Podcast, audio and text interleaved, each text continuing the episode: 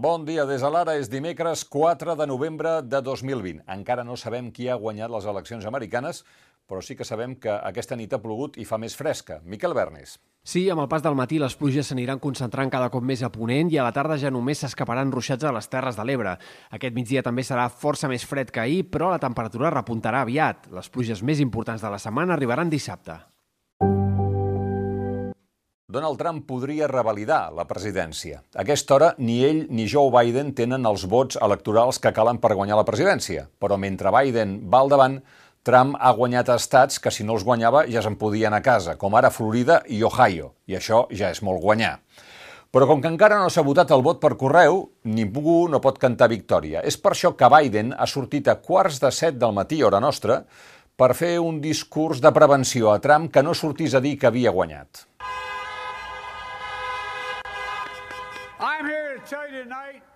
Estic aquí per dir-vos aquesta nit que estem en el bon camí per guanyar aquestes eleccions. Ho sabem pel vot anticipat i el vot per correu sense precedents, que trigarà una mica. Haurem de ser pacients fins que el dur treball de comptar els vots finalitzi i no estarà acabat el recompte fins que cada vot sigui comptat, cada urna sigui comptada. No és el meu deure o el de Donald Trump declarar qui ha guanyat les eleccions. Això és una decisió del poble americà, però sóc optimista amb el resultat.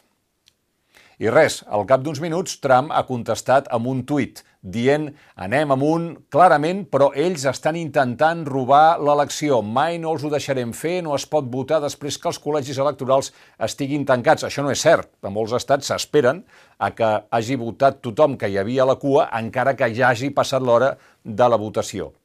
És per això que, com hem vist a la part superior, Twitter havia fet un advertiment dient eh, aquí hi ha alguna informació enganyosa eh, o qüestionable sobre el procés electoral. És a dir, que als Estats Units eh, se n'anava de dormir havent sentit Biden i sense haver sentit Trump, però no, perquè al quarts de nou del matí, hora nostra, quarts de tres de la matinada, hora est nord-americana, ha sortit Donald Trump a la Casa Blanca i ha dit que han guanyat. Això és un frau pels americans. És una vergonya pel nostre país. Estem preparats per guanyar aquesta elecció. bueno, francament, hem guanyat aquesta elecció.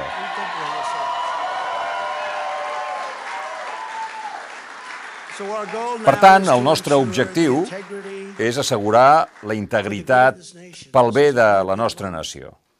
Això és un gran frau a la nació. Volem que s'apliqui la llei correctament. O sigui que ho portarem al Tribunal Suprem. Volem que es pari de comptar vots, que es pari de votar. No volem que es comptin vots a les 4 de la matinada. És, és molt trist aquest moment. I per tant, guanyarem. It's a very sad moment. To me, this is a very sad moment. And i pel que a mi respecta, ja hem guanyat.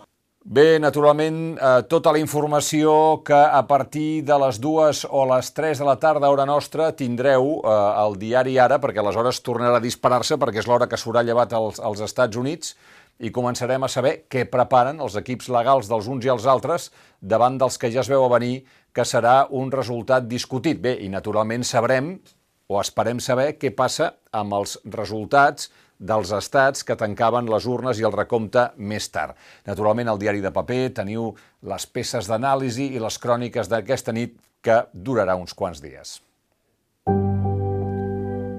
Carme Forcadell i Dolors Bassa mantenen el tercer grau tot i el recurs de la Fiscalia. El jutge de Vigilància Penitenciària ha decidit, en contra del criteri establert fins ara pel Tribunal Suprem, que poden continuar sortint diàriament de la presó fins que el Suprem no decideixi sobre el fons de la qüestió.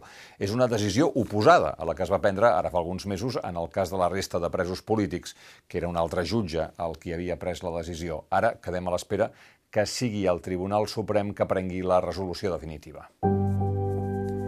Ahir ja vam explicar que, segons una exclusiva del diario.es, la Fiscalia Anticorrupció també investiga el rei Joan Carles per l'ús de targetes opaques i com que els moviments de diners són posteriors a l'abdicació, se'l podria jutjar.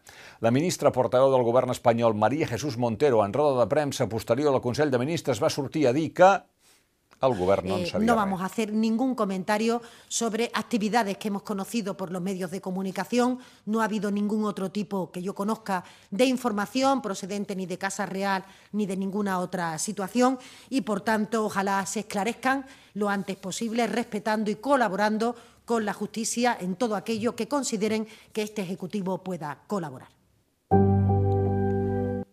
El fins ara portaveu de Junts per Catalunya al Parlament i diputat Eduard Pujol es va defensar de les denúncies internes que diverses dones van presentar a Junts per Catalunya contra ell per un presumpte assetjament sexual. Soc innocent del que se'm pretén acusar i ho demostraré, n'estic segur. Mai no he abusat de cap dona, ni de ningú. Mai no he comès cap acte d'assetjament sexual. Pujol va explicar que ha posat el, cas de, el seu cas en mans de la seva advocada i va avisar que això denunciarà qualsevol persona que l'acusi falsament de cometre un fet delictiu i que serà implacable, va dir. L'atac jihadista a Viena ha deixat 4 morts i 22 ferits. El terrorista havia sigut condemnat per voler unir-se a l'estat islàmic, però va ser excarcerat abans de complir tota la pena. Catalunya ha notificat 359 defuncions els últims 7 dies. De Covid-19, naturalment. El ritme de contagis està caient, s'estanquen les hospitalitzacions, però Salut ha fet una crida a la cautela. Una bona notícia, si no hi ha cap sorpresa, la nova llei d'educació espanyola, que és la vuitena en només 42 anys, eliminarà la referència que va introduir el PP amb la llei verd que establia que el castellà és la llengua vehicular a l'escola a tot l'Estat. Els dos partits del govern espanyol, PSOE i Unides Podem i Esquerra Republicana, han introduït una esmena al projecte de llei per canviar aquesta expressió i introduir una referència per garantir que els alumnes dominin tant el català com el castellà quan acabin la secundària. A la pràctica, doncs, la nova llei d'educació protegirà la immersió lingüística i de retruc la llei catalana. Llista Forbes de la gent més rica. Entre els catalans el primer és Manuel Lao, expropietari de Cirsa, justament la fortuna del qual es va convertir, eh, va convertir Matadepera en el municipi més ric d'Espanya. D'aquesta manera avança a Sol d'Aurella. La presidenta de Coca-Cola European Partners baixa al lloc 14 amb 1.300 milions d'euros de res.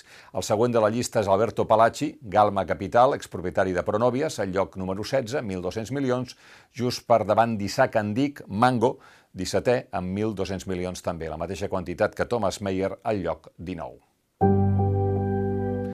Francesc Serés ha guanyat el segon premi Proa de novel·la eh, sis anys després de La pell de la frontera. Serés s'endú els 40.000 euros del guardó, al qual s'havien eh, presentat 141 originals amb una novel·la titulada La casa de foc. I els esports, avui a les 9, Barça Dinamo de Kiev a la Champions, el Madrid va guanyar l'Inter per 3 a 2 i l'Atlètic de Madrid va empatar un al camp del Lokomotiv de Moscou. Fins aquí les claus del dia, però naturalment la informació continua, això és un no parar.